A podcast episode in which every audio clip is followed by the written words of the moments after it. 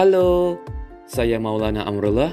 Mari membuka cakrawala pemikiran dan memperluas wawasan kita bersama podcast Global Mindset.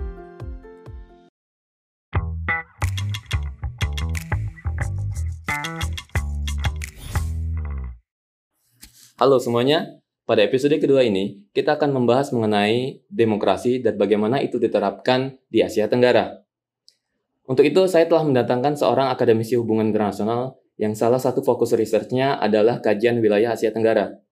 Beliau ini adalah seorang dosen di Universitas 11 Maret yang berlokasi di Solo, Jawa Tengah. Beliau ini juga salah satu rekan seperjuangan saya dalam menempuh pendidikan doktoral di Institute of Political Science di National Shinatsen University yang berlokasi di Kaohsiung, Taiwan. Mari kita sambut Mas Septianto Galan Prakoso. Terima kasih. Selamat malam, Mas. Malam, Mas Am. Apa kabar, Mas? Baik, alhamdulillah. Terima kasih telah diberi kesempatan untuk bergabung dalam um, podcast ini dan dapat bertukar pikiran serta ya berdiskusi terkait mungkin nanti demokrasi. Iya, benar sekali, Mas. Jadi gini, Mas.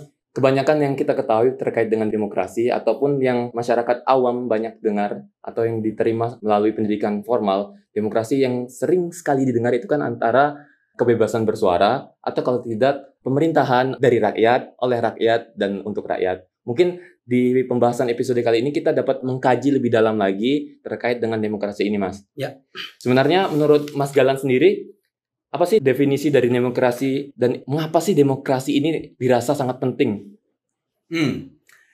Ya, jadi memang ini untuk fondasinya dulu ya untuk untuk penjelasan dasarnya dulu supaya nanti lebih enak ke depannya ngomongnya. Jadi memang banyak eh, pihak untuk banyak halayak mengetahui demokrasi itu kan lebih ke dari rakyat, oleh rakyat, untuk rakyat seperti itu. Sebenarnya kalau kita bicara dari sejarahnya, dari asal usulnya, jadi kata demokrasi sendiri itu dari zaman ini peradaban Yunani dulu ya. Itu kan terdiri dari demos dan kratos. Demos artinya orang atau dalam hal ini rakyat begitu. Kratos artinya kekuasaan atau power gitu kan. Jadi sebenarnya secara harfiah, secara epistemologinya, demokrasi itu dapat diartikan sebagai kekuatan rakyat begitu, power of the people, gitu kan, mandat tangan rakyat begitu kan. Jadi dapat dipahami juga kemudian bahwa demokrasi itu adalah cara melaksanakan sebuah pemerintahan yang berbasis dari keinginan atau mandat dari rakyat itu sendiri. Nah, kemudian um, dalam perkembangannya masuk ke budaya era modern dan juga ke apa peradaban lebih maju dan juga karena ada pergerakan di Amerika Serikat waktu dulu ketika Abraham Lincoln menyatakan pidatonya yang sangat terkenal yang kemudian kita jadi memaknai demokrasi seperti yang tadi sudah disampaikan itu orang sebenarnya jadi terngiang-ngiang bahwa demokrasi itu adalah salah satu cara untuk melaksanakan pemerintahan suatu negara yang memang paling populer dan memang sudah seharusnya sebagai pakem begitu. Padahal mungkin bisa jadi tidak seperti itu. Nah itu mas. Terkadang kan demokrasi ini juga masih suatu konsep yang abstrak. Hmm. Lalu bagaimana sih kita menafsirkan nilai-nilai yang ada di dalam demokrasi itu sendiri? Ya. Nilai-nilai yang ada dalam demokrasi sebenarnya banyak ya nilai dalam demokrasi dan mungkin secara praktis berbeda dari era ke era atau generasi ke generasi atau berbeda juga berdasarkan lokusnya tapi ada beberapa hal yang disepakati menjadi prinsip-prinsip atau pilar-pilar yang utama dalam demokrasi. Yang pertama uh, ide demokrasi sendiri yang paling penting itu ada dua prinsipnya. Yang pertama adalah otonomi individu atau hak individu, hak masing-masing individu. Yang kedua itu equality.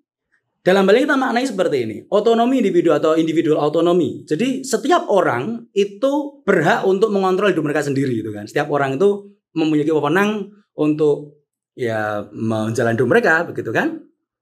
Dan kalaupun dalam konteks pemerintahan mereka bisa memilih siapa yang kira-kira bisa mewakili mereka dan seterusnya itu nanti.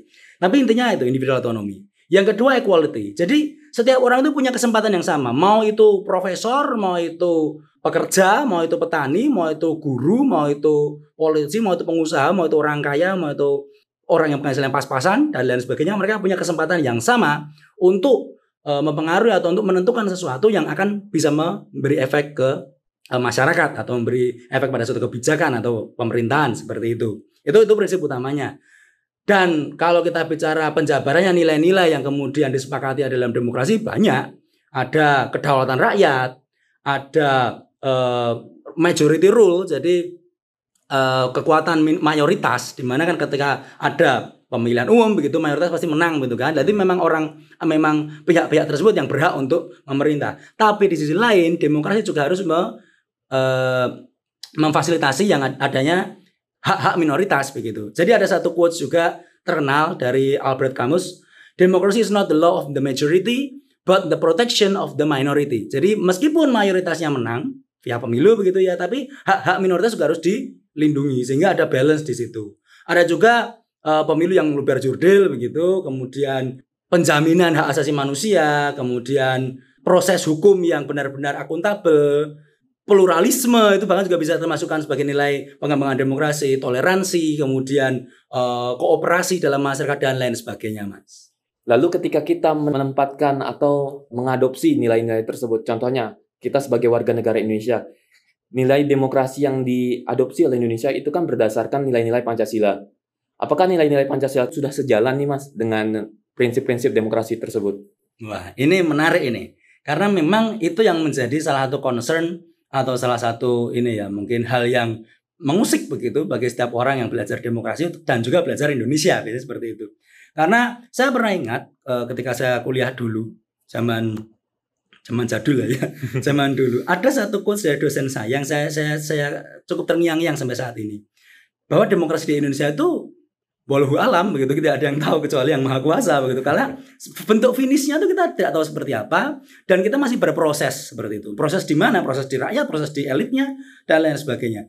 Dan kalau kita melihat dari segi apakah nilai Pancasila sudah seiring sejalan dengan demokrasi ya memang seiring sejalan tidak ada masalah. Karena karena begini sebagaimana yang dipahami oleh uh, perjalanan demokrasi di dunia internasional sebenarnya tidak ada uh, satu pakem fix atau satu standar yang harus dipenuhi, yang mutlak harus dipenuhi suatu negara untuk bisa disebut sebagai demokrasi.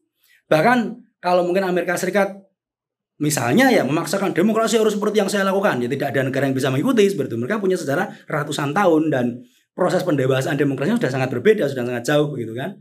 Jadi dapat kita pahami bahwa tidak ada dua sistem atau lebih sistem demokrasi di dunia ini yang benar-benar sama. Setiap negara pasti bisa memiliki sistem demokrasinya sendiri. Dan kalau kita lihat juga secara basis bentuk negara kan macam-macam ya. Ada uh, presidensial, ada parlementer, jadi demokrasi presidensial, demokrasi parlementer. Kemudian negaranya bentuknya federal atau kesatuan. Itu juga bisa dua-duanya juga bisa jadi negara demokrasi juga gitu kan.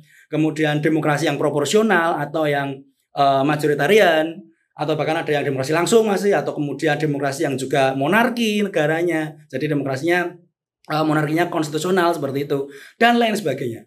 Ini sebenarnya justru malah menariknya di sini. Jadi ini praktik yang sah-sah saja dan memang dinyatakan oleh PBB sendiri. Jadi uh, ada United Nations Resolution on Promoting and Consolidating Democracy. Itu nomornya nomornya E slash uh, resolution slash 62 slash 7 jadi dari assembly sendiri dari General Assembly ada resolusinya yang menyatakan bahwa ini dalam bahasa Inggris ya While democracies share common features, there is no single model of democracy. Jadi meskipun banyak nilai-nilai yang sebelumnya tadi sudah disebutkan di pertanyaan sebelumnya tadi, banyak nilai-nilai demokrasi yang juga diterapkan di berbagai negara di dunia, di berbagai di belahan bumi yang bermacam-macam pasti ada praktik demokrasinya, tapi tidak ada satu model khusus untuk melaksanakan demokrasi itu sendiri. Jadi kalau demokrasi mau diterjemahkan jadi demokrasi Pancasila misalnya, atau demokrasi dengan prinsip ideologi lain di negara lain, ya monggo kembali ke negaranya itu sendiri. Selama nilai-nilai dari demokrasi yang sudah disepakati di atas tadi tetap diterapkan dan memang mandat atau kekuasaan utama berada di tangan rakyat seperti itu. Ketika Mas Galan menyebutkan bahwa pada akhirnya nilai-nilai demokrasi ini akan menyesuaikan dengan uh, nilai-nilai uh, yang ada pada negara itu masing-masing gitu kan ya. Sekarang yang ingin saya tanyakan, bagaimana jika kita mengatakan apakah ada sistem demokrasi yang ideal. Dan kalau kita mengaitkannya ke Indonesia nih, sejauh mana Indonesia telah menetapkan atau menjalankan demokrasi yang sudah mungkin dikatakan mendekati dengan kata ideal itu sendiri, Mas? Hmm. Atau adakah yang dikorbankan hmm. bagi negara-negara lain atau Indonesia jika mengimplementasikan atau menjalankan demokrasi atau ketika mereka mengadopsi demokrasi sebagai jalan utama dalam bernegara atau berpemerintahan? Hmm. Ya, ini ini juga menarik. Ini malah lebih dalam lagi ya. Kalau kita bicara ideal, uh, sebenarnya kembali ke bagaimana cara memandangnya. Jadi kemudian tidak kok langsung mengatakan oh tergantung tidak, tapi kembali ke bagaimana cara kita memandangnya dan kebutuhan dari negara tersebut.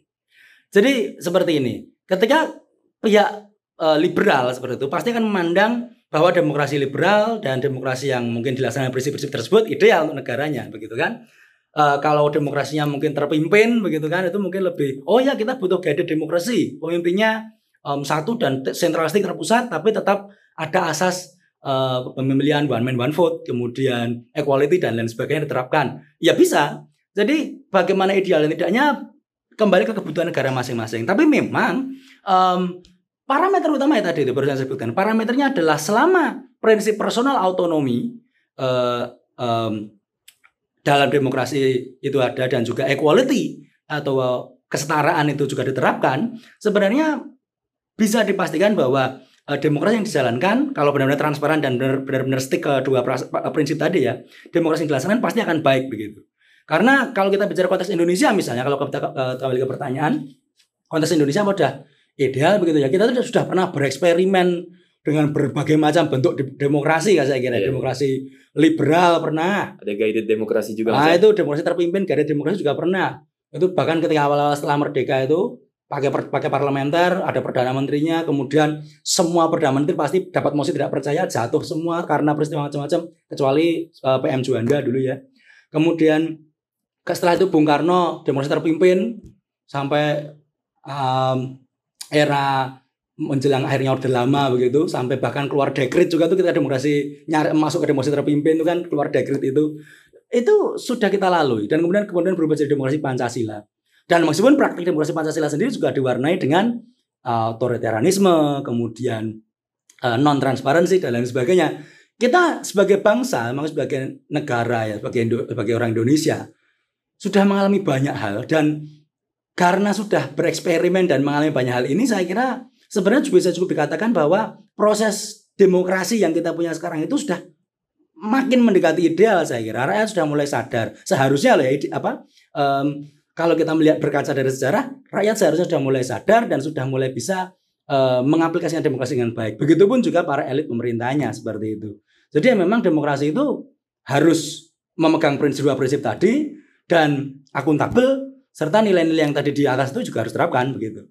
Dalam proses penempatan itu, dalam proses pengimplementasikan itu, apakah ada yang dikorbankan nih mas hmm. dengan oh ya tadi dengan adanya ini kan otomatis kita harus apakah murni tidak ada pengorbanan untuk uh, menjalankan demokrasi atau apa sih yang harus dikorbankan gitu loh ketika demokrasi dijalankan? Hmm. Nah ini menarik ini.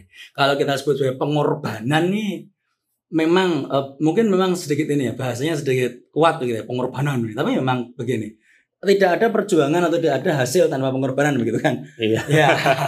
Jadi ini mas, um, yang dikorbankan mungkin adalah egoisme preferensi politik pribadi kalau saya melihatnya. Dan ini yang kemudian menjadi hambatan lebih banyak di Indonesia saat ini ketika banyak orang tidak mau melepaskan itu. Gitu. Di zaman sebelumnya atau mungkin di era sebelumnya, mungkin ketika uh, tren politik di Indonesia tidak sehangat saat ini begitu mungkin ya. Rata-rata kan orang um, tidak melihat sesuatu isu dari kacamata tertentu saja secara spesifik gitu. Kalau sekarang kan ya terbuka aja lah mau izin. Larinya pasti kalau tidak sara atau uh, golongan, kan golongan kan begitu. Jadi kan ada politik identitas, politik golongan itu kan yang sedang menjamur. Itu sebelumnya tidak perlu ada karena sudah ada yang dikorbankan. Iya. Rasa persatuan dengan cara apa? Membuang ciri atau karakteristik kedaerahan, membuang ciri primordialnya, kemudian oke okay, kita sebagai bangsa kita harus bersatu, kita memilih calon yang benar-benar cakap, kapabel tanpa e, berdasar kepada preferensi tertentu misalnya. Nah, itu yang harus dikorbankan itu yeah. ya egoisme itu, itu sendiri. Dalam prosesnya ini tentu hmm. akan ada tidak mudah kan ya. Oh, iya. Tentu proses dalam e, menjalankan demokrasi ini tidak mudah.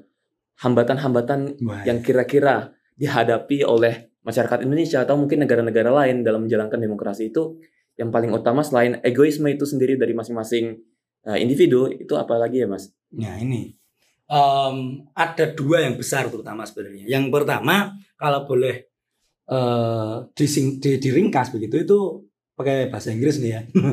itu abuse of democracy atau penyalahgunaan mungkin ya, penyalahgunaan demokrasi. Dan ini sumbernya dari elit. Jadi subjek yang bisa melanggar itu elit. karena sudah berkuasa begitu, penguasa kemudian bisa uh, mengkondisikan demokrasi yang ada untuk memuluskan atau untuk uh, mencapai kepentingan dari golongannya atau kelompoknya sendiri. Dan ini mungkin yang sering kita pelajari ketika kita bicara terkait orde-orde sebelumnya begitu ya.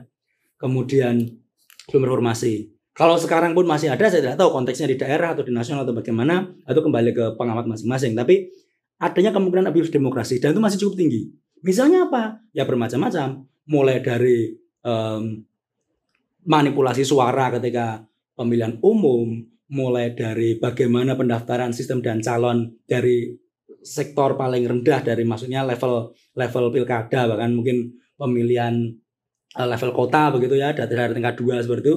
Pasti sudah ada yang namanya ya jual beli suara lah kemudian apa eh, kong kali kong antar eh, pihak-pihak yang mungkin berkepentingan di sana. Bagaimana partai politik juga sebenarnya tidak bisa konsisten dalam memelihara relasi satu sama lain. Maksudnya di panggung nasional mungkin mereka oposisi di daerah kemudian mereka teman. Itu sebenarnya kan juga itu sah-sah saja cara praktik politik. Tapi cara kita melihat cara um, apa ya akuntabilitas uh, demokrasi sendiri mungkin orang yang tidak paham kan bingung seperti itu loh. Ini bagaimana kok di level sana berantem di sini tidak? Ah itu itu yang susah memang iya. nah itu yang kemudian berhubungan dengan hambatan kedua yaitu kurangnya pendidikan terkait demokrasi nah ini ini cukup cukup cukup signifikan saya kira dan memang ini juga jadi masalah di banyak negara di dunia kalau kita bicara oke okay, negara kita pakai demokrasi dalam usia berapa kita tahu kata demokrasi itu, Mas? Iya. Ini yang jadi pertanyaan. Kalau zaman dulu mungkin, lah ini tidak bermaksud untuk ini ya mengulik-ulik sejarah ya. Dulu ada P4 kan ya, sekarang ada PPKN gitu kan. Tapi selain nilai-nilai Pancasila yang diajarkan, kita juga belajar demokrasi itu sendiri. Bagaimana kemudian rakyat itu punya mandat untuk eh, berpartisipasi dalam pemerintahan dan lain sebagainya begitu kan. Lah sekarang itu kesannya itu kalau yang saya tangkap loh ya, yang saya tangkap itu kayak menguap begitu.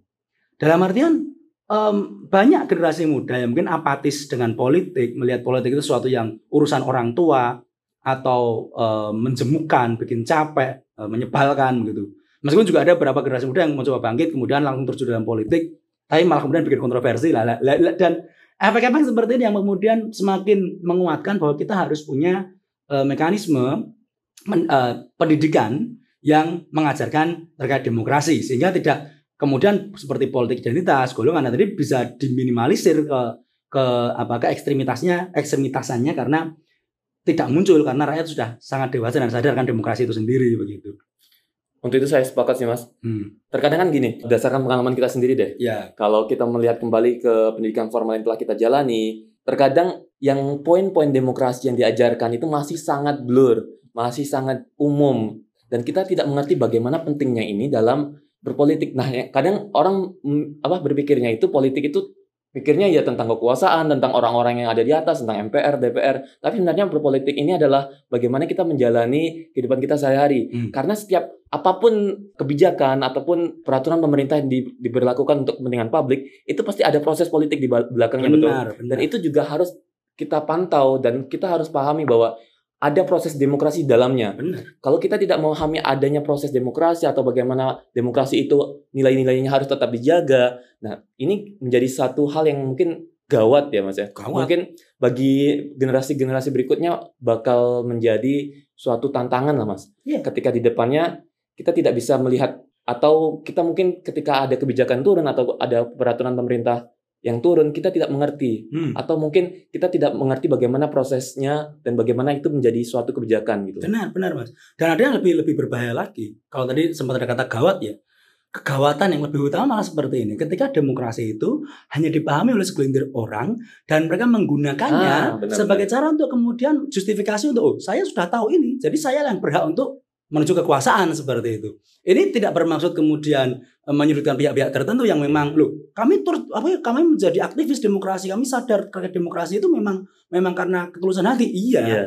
tapi, tapi kita tidak bisa menepis fakta bahwa sebagian orang-orang ini memang berorientasi untuk meniti jalan ke situ begitu kan dan sebenarnya demokrasi ini sebenarnya milik khalayak umum semuanya yeah. bukan hanya bukan satu teknokrat aja itu dia saya mikirnya kalau ketika demokrasi telah merasa diposes gitu ya, nah. dimiliki takutnya itu sudah nggak murni lagi. Iya. Pasti sudah ada kepentingan-kepentingan di belakang gitu. Nah, dan itu bisa mengakibatkan, mengakibatkan sistem pemerintahnya uh, oligarki atau Ya. hanya berorientasi kronisme seperti itu. Jadi hanya dianggap ah teman-teman saya saja yang tahu, orang-orang saja yang paham soal ini. Nah, ini berbahaya. Meninjau hal itu, Mas, Iya.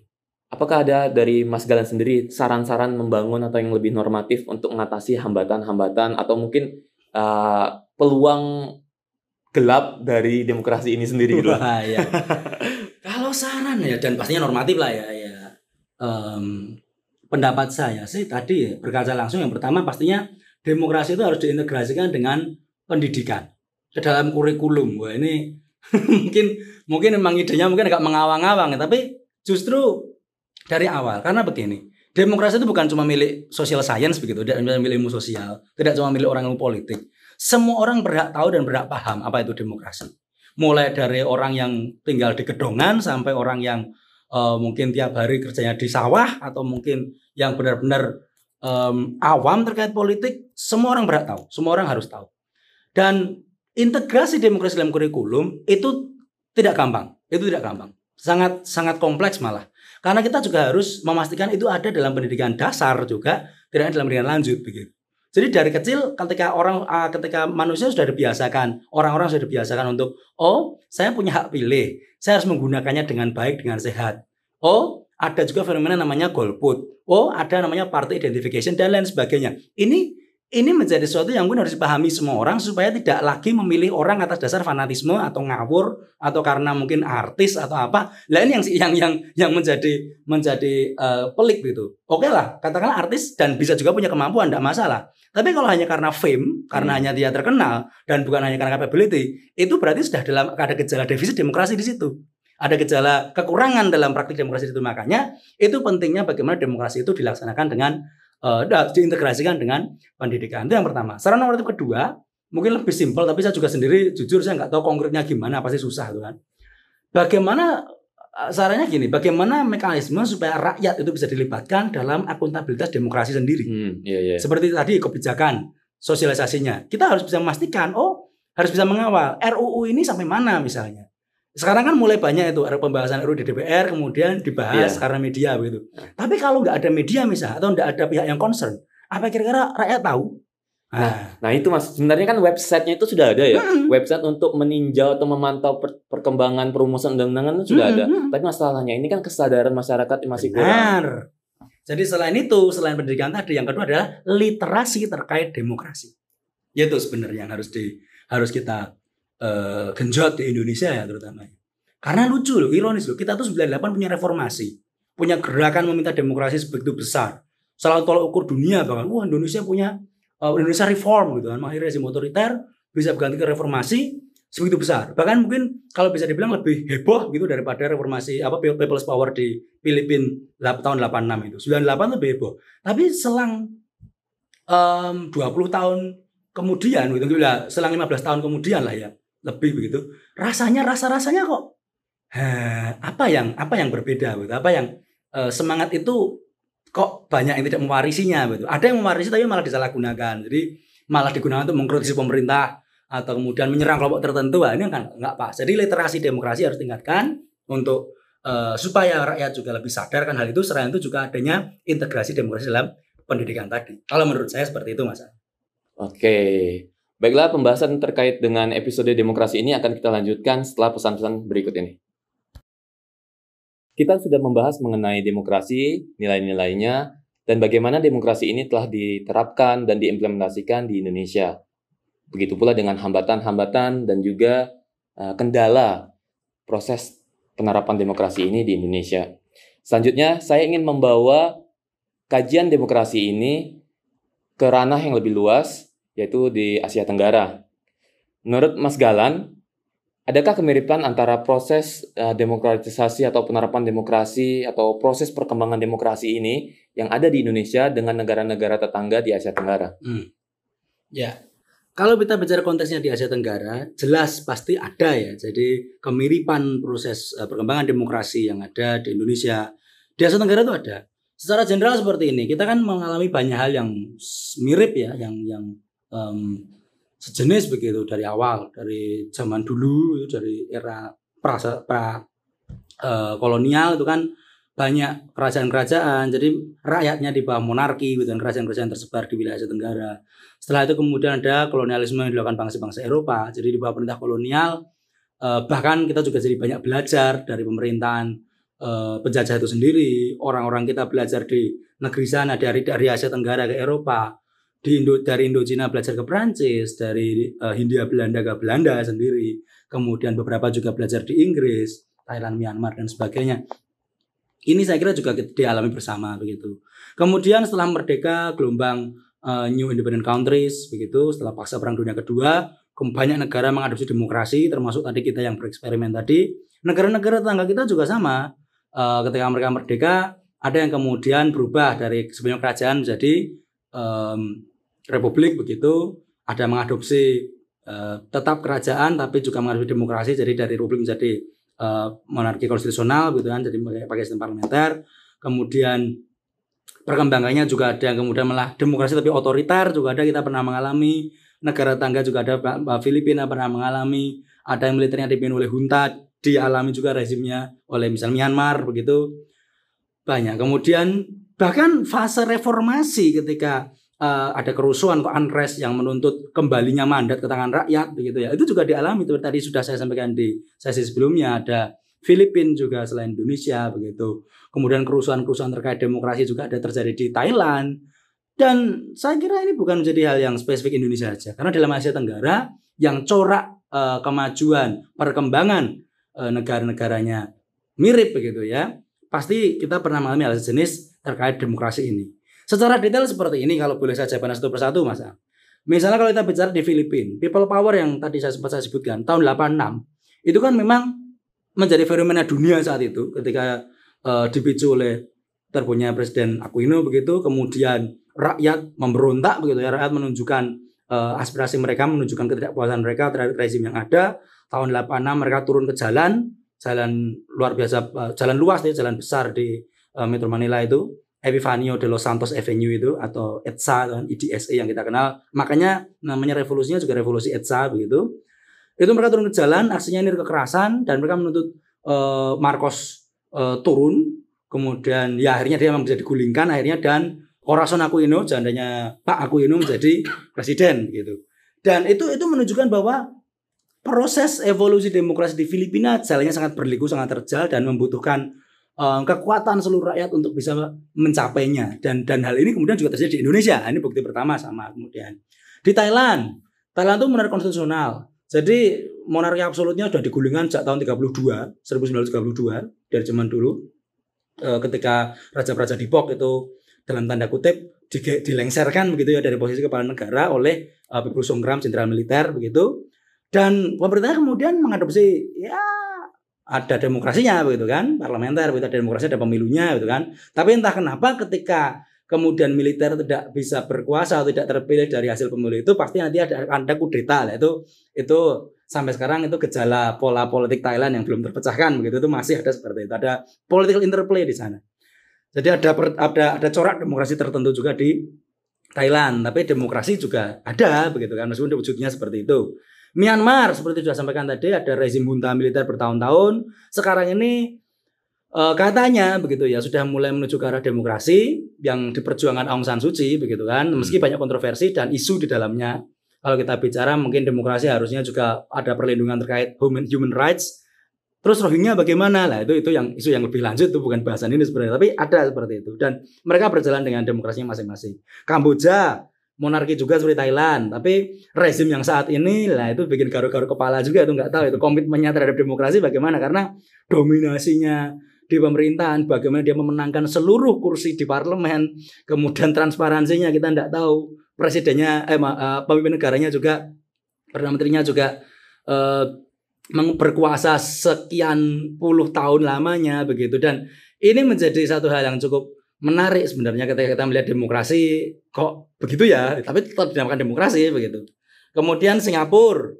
Uh, demokrasi tapi pemerintah didominasi partai tertentu dan otoriter begitu. Katanya banyak orang melihat. Ini malah mau pemilu juga sedang sedikit panas gitu di sana.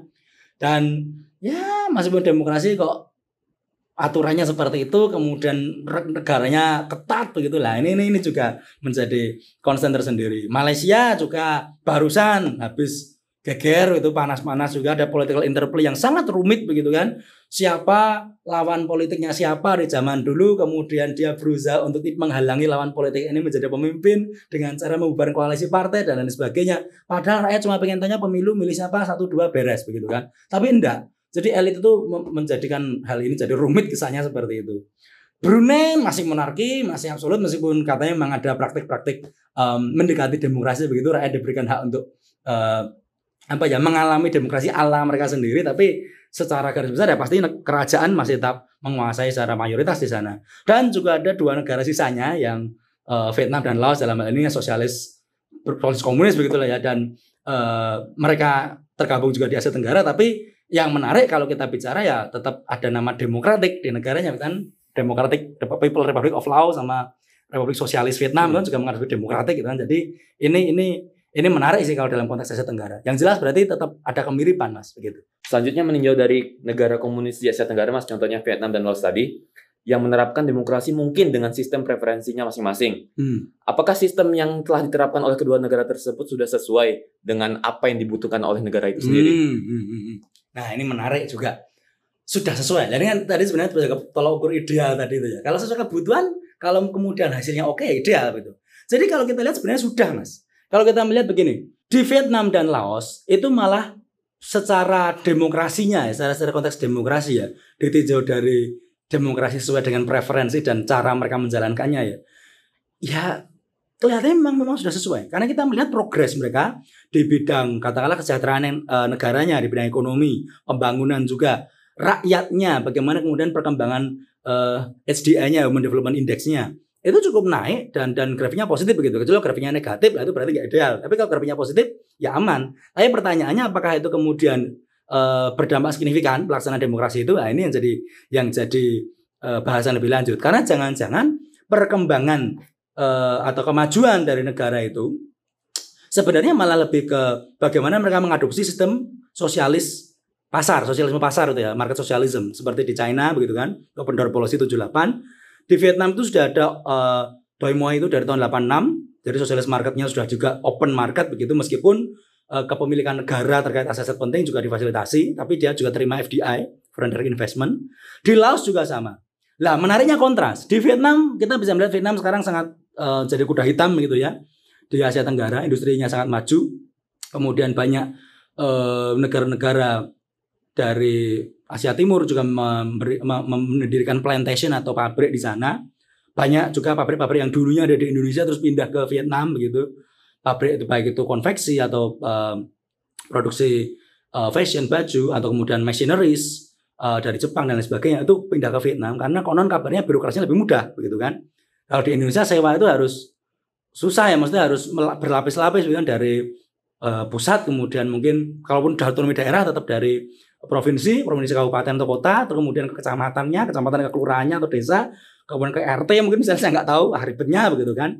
Nah, itu itu itu pesan lain. Tapi di Vietnam um, ada apa ya mungkin ke, ke fasilitas yang lebih mudah untuk investor asing begitu sehingga kalaupun toh ini tidak dipengaruhi oleh demokrasi apa pun demokrasi yang diterapkan di sana saya kira sesuai dengan kebutuhan yang mereka uh, apa ya yang ya, ya ya kebutuhan mereka yang apa yang mereka butuhkan dalam memajukan negara mereka sendiri itu gitu kan. Dan dari sini kita melihat sebenarnya elemen untuk mengembangkan negara itu kan tidak hanya dari kebijakan pemerintah dan birokrasi saja begitu. Kalau kalau kita bicara dari apa efek demokrasinya ya. Akan tapi juga dibutuhkan partisipasi dan kemampuan maksimal warga negara bersangkutan. Kalau saya lihat seperti itu.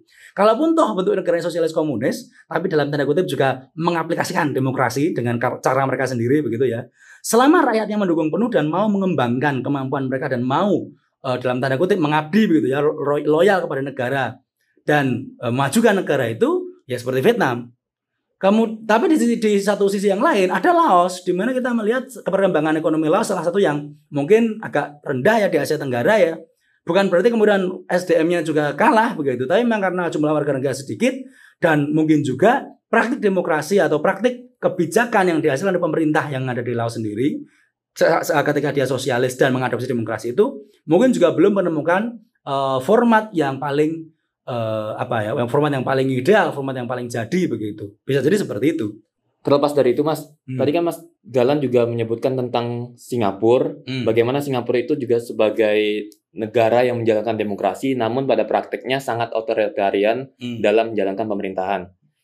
Nah, sekarang ini ketika Singapura di satu sisi otoriter, tapi di sisi lain Singapura sebagai negara maju dengan tingkat kemakmuran masyarakat dan tingkat kepuasan mereka terhadap pemerintah yang tinggi, apakah ini menjadi suatu penjelasan bahwa tidak semua negara maju yang mem- memfokuskan kepada pengembangan atau kemakmuran kesejahteraan ekonomi memerlukan demokrasi. Maksud maksudnya dalam artian praktek demokrasi yang ideal di dalam negaranya. Hmm, ya.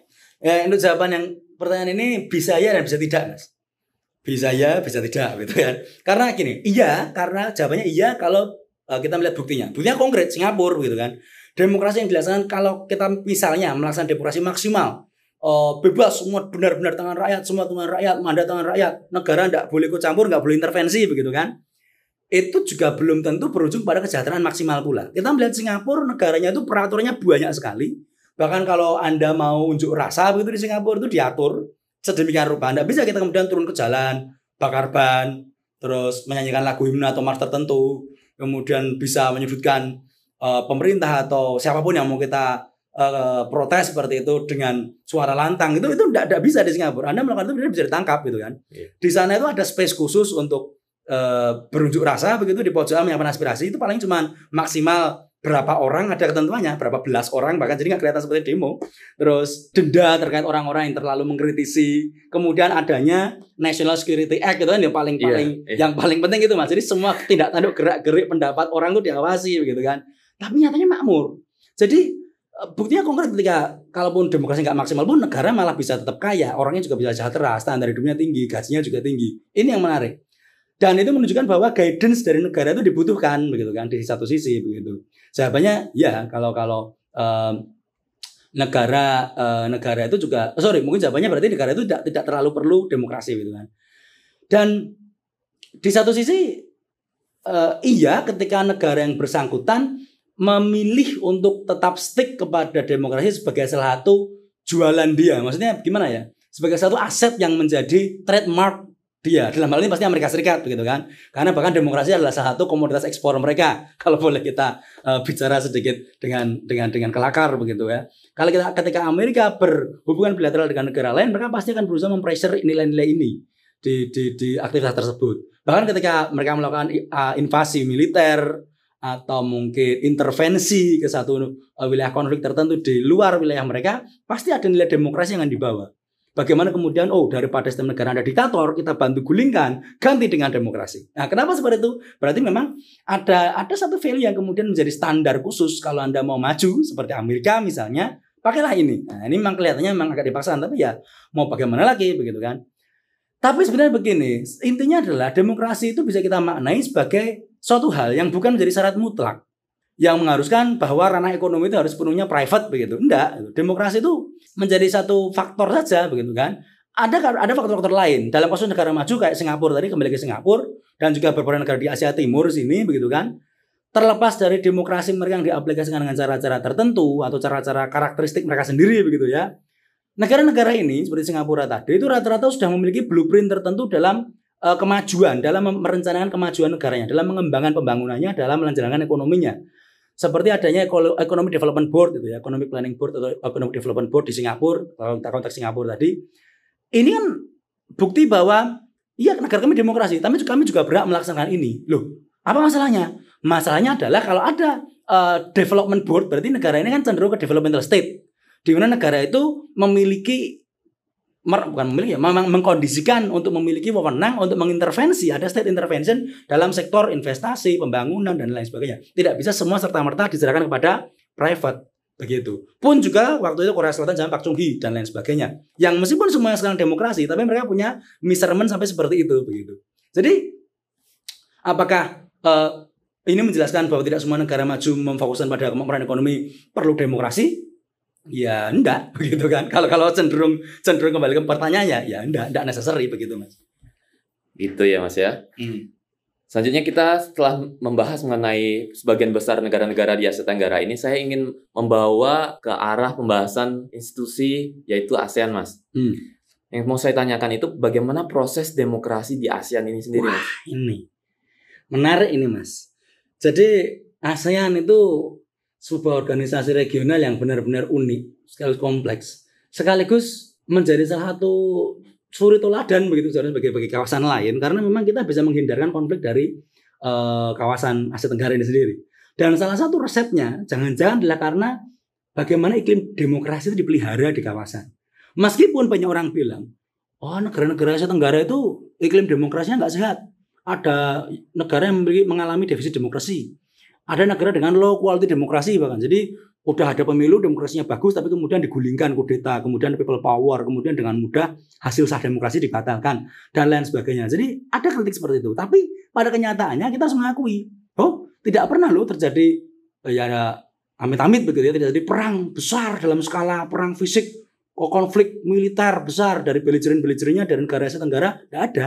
Tidak seperti kawasan Timur Tengah misalnya, yang ada konflik perang sipil sampai sebegitunya, Hmm, atau antar negara iya. sebegitunya. Kita tidak pernah. Dan ASEAN tuh yang menjadi safety measurement-nya, safety mekanismenya ASEAN itu sendiri. Lah, dalam hal ini ASEAN juga menjamin eh, nilai-nilai demokrasi itu ada di dalam organisasinya. Setiap negara, setiap negara anggota ASEAN dalam ministerial meeting dan lain sebagainya pasti diberikan hak yang sama atau untuk kemudian eh, menyatakan pendapat akan sesuatu atau mendukung sebuah mosi atau kemudian menyatakan diri untuk tidak eh, sepakat dengan negara lain itu itu sangat demokratis saya kira. Bahkan kita kalau kita melihat dari hasil-hasil pertemuan atau dokumen-dokumen resmi ASEAN sendiri, kita cek dulu. Misalnya ASEAN Concord 2 itu atau Bali Concord lah kita lihat tuh tahun 2003 itu ada frase yang menarik mas. Frasenya itu berbunyi seperti ini.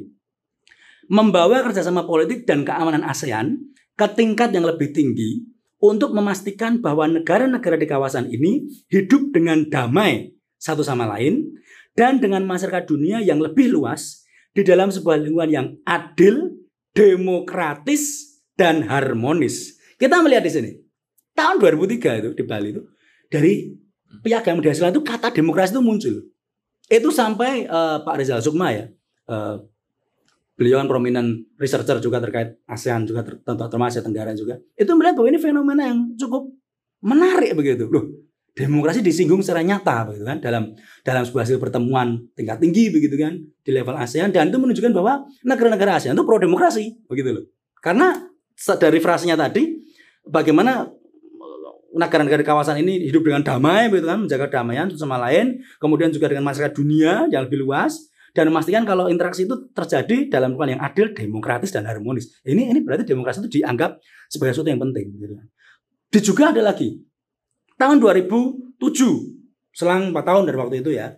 Piagam ASEAN dalam KTT ke-13 di Singapura tahun di Singapura tahun 2007 itu ada fenomena ketika eh, ASEAN menjanjikan pengembangan demokrasi dan HAM demokrasi dan asasi manusia.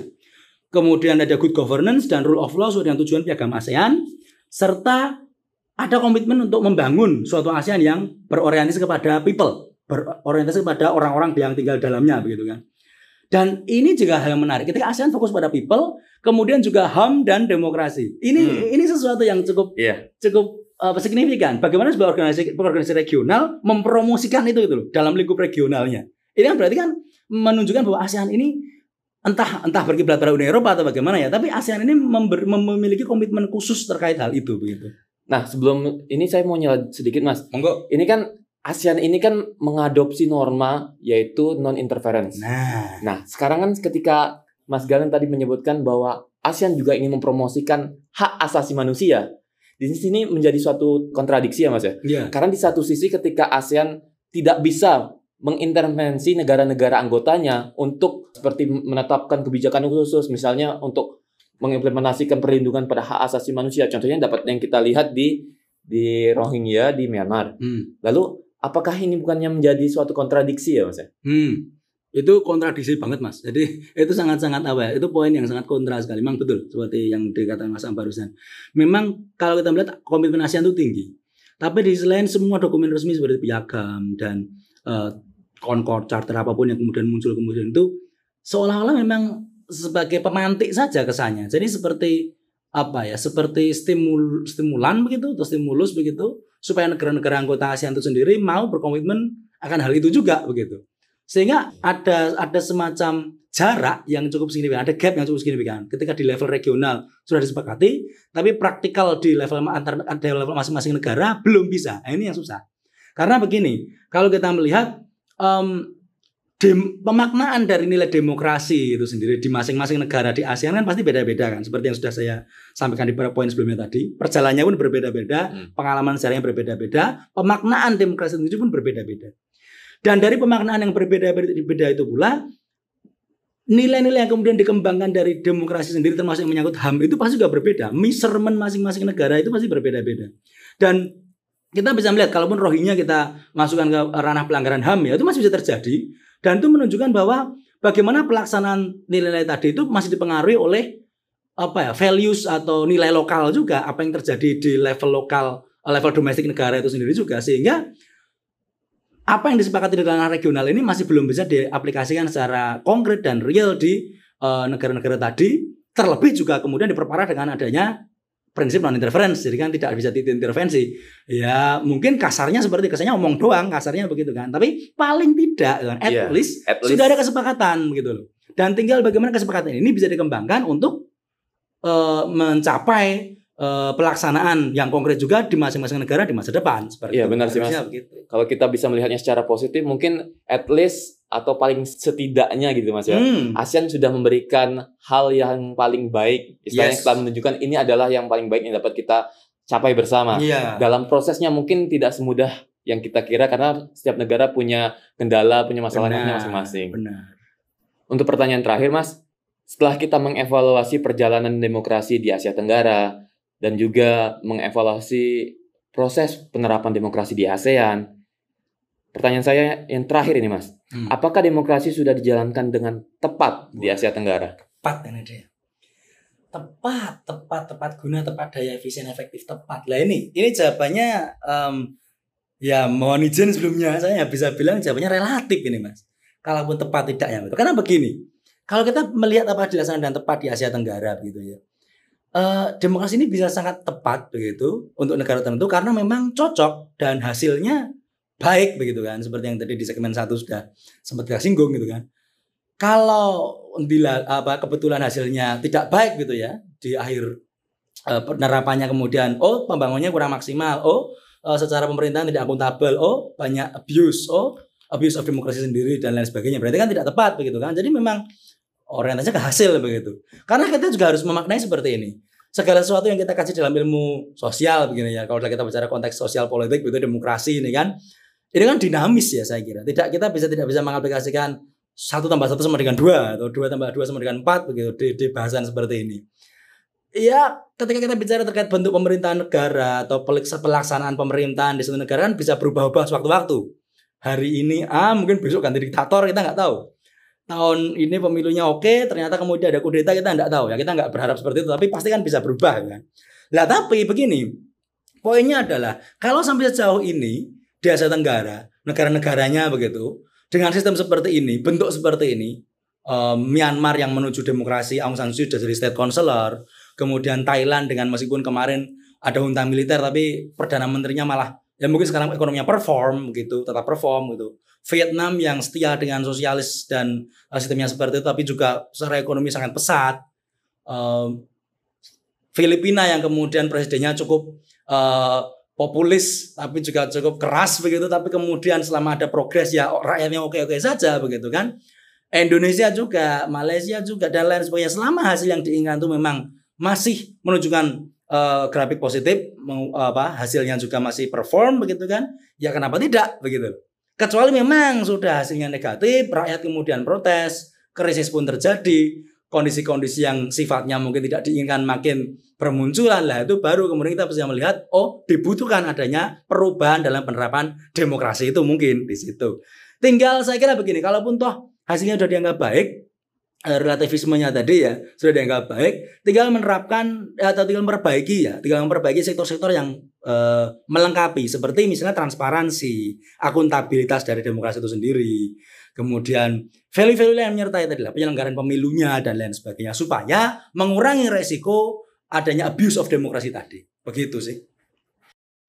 Baiklah, dapat kita simpulkan bahwa konsep demokrasi telah berkembang seiring dengan perubahan zaman Demokrasi tidak hanya lagi diartikan dengan sebatas pemerintahan yang dimandatkan oleh rakyat, melainkan juga meliputi nilai-nilai seperti otonomi individu dan kesetaraan. Demokrasi ini juga kemudian menjadi sangat populer untuk diadopsi oleh berbagai negara di dunia. Hanya saja praktek demokrasi itu sendiri juga telah disesuaikan dengan nilai dan norma setempat. Oleh karena itu, banyak sekali praktek demokrasi yang mungkin sangat bervariasi setelah diasimilasikan dengan nilai dan norma setempat tersebut. Dan hal ini dapat kita temui di Asia Tenggara, yang mana negara-negara di wilayah itu memiliki beberapa persamaan dan juga perbedaan dalam proses penerapan demokrasi dalam pemerintahannya masing-masing. Sekali lagi saya mengucapkan terima kasih banyak kepada Mas Galan yang telah menyempatkan hadir untuk sekedar berbagi ilmu terkait dengan demokrasi ini. Sama-sama Mas Aam, senang, senang rasanya saya juga bisa mungkin berbagi sedikit apa yang saya ketahui dan saya amati selama ini begitu ya terkait demokrasi di Asia Tenggara dan juga semoga ini juga bisa memantik uh, minat para pendengar sekalian yang juga ingin mungkin lebih fokus ke kajian Asia Tenggara untuk juga sama-sama mengawal dan juga uh, menikmati proses yang terjadi proses demokrasi yang terjadi di Asia Tenggara ini begitu. Sekian episode kedua podcast Global Mindset dan untuk para pendengar cendekiawan sekalian, terima kasih dan sampai jumpa di episode berikutnya.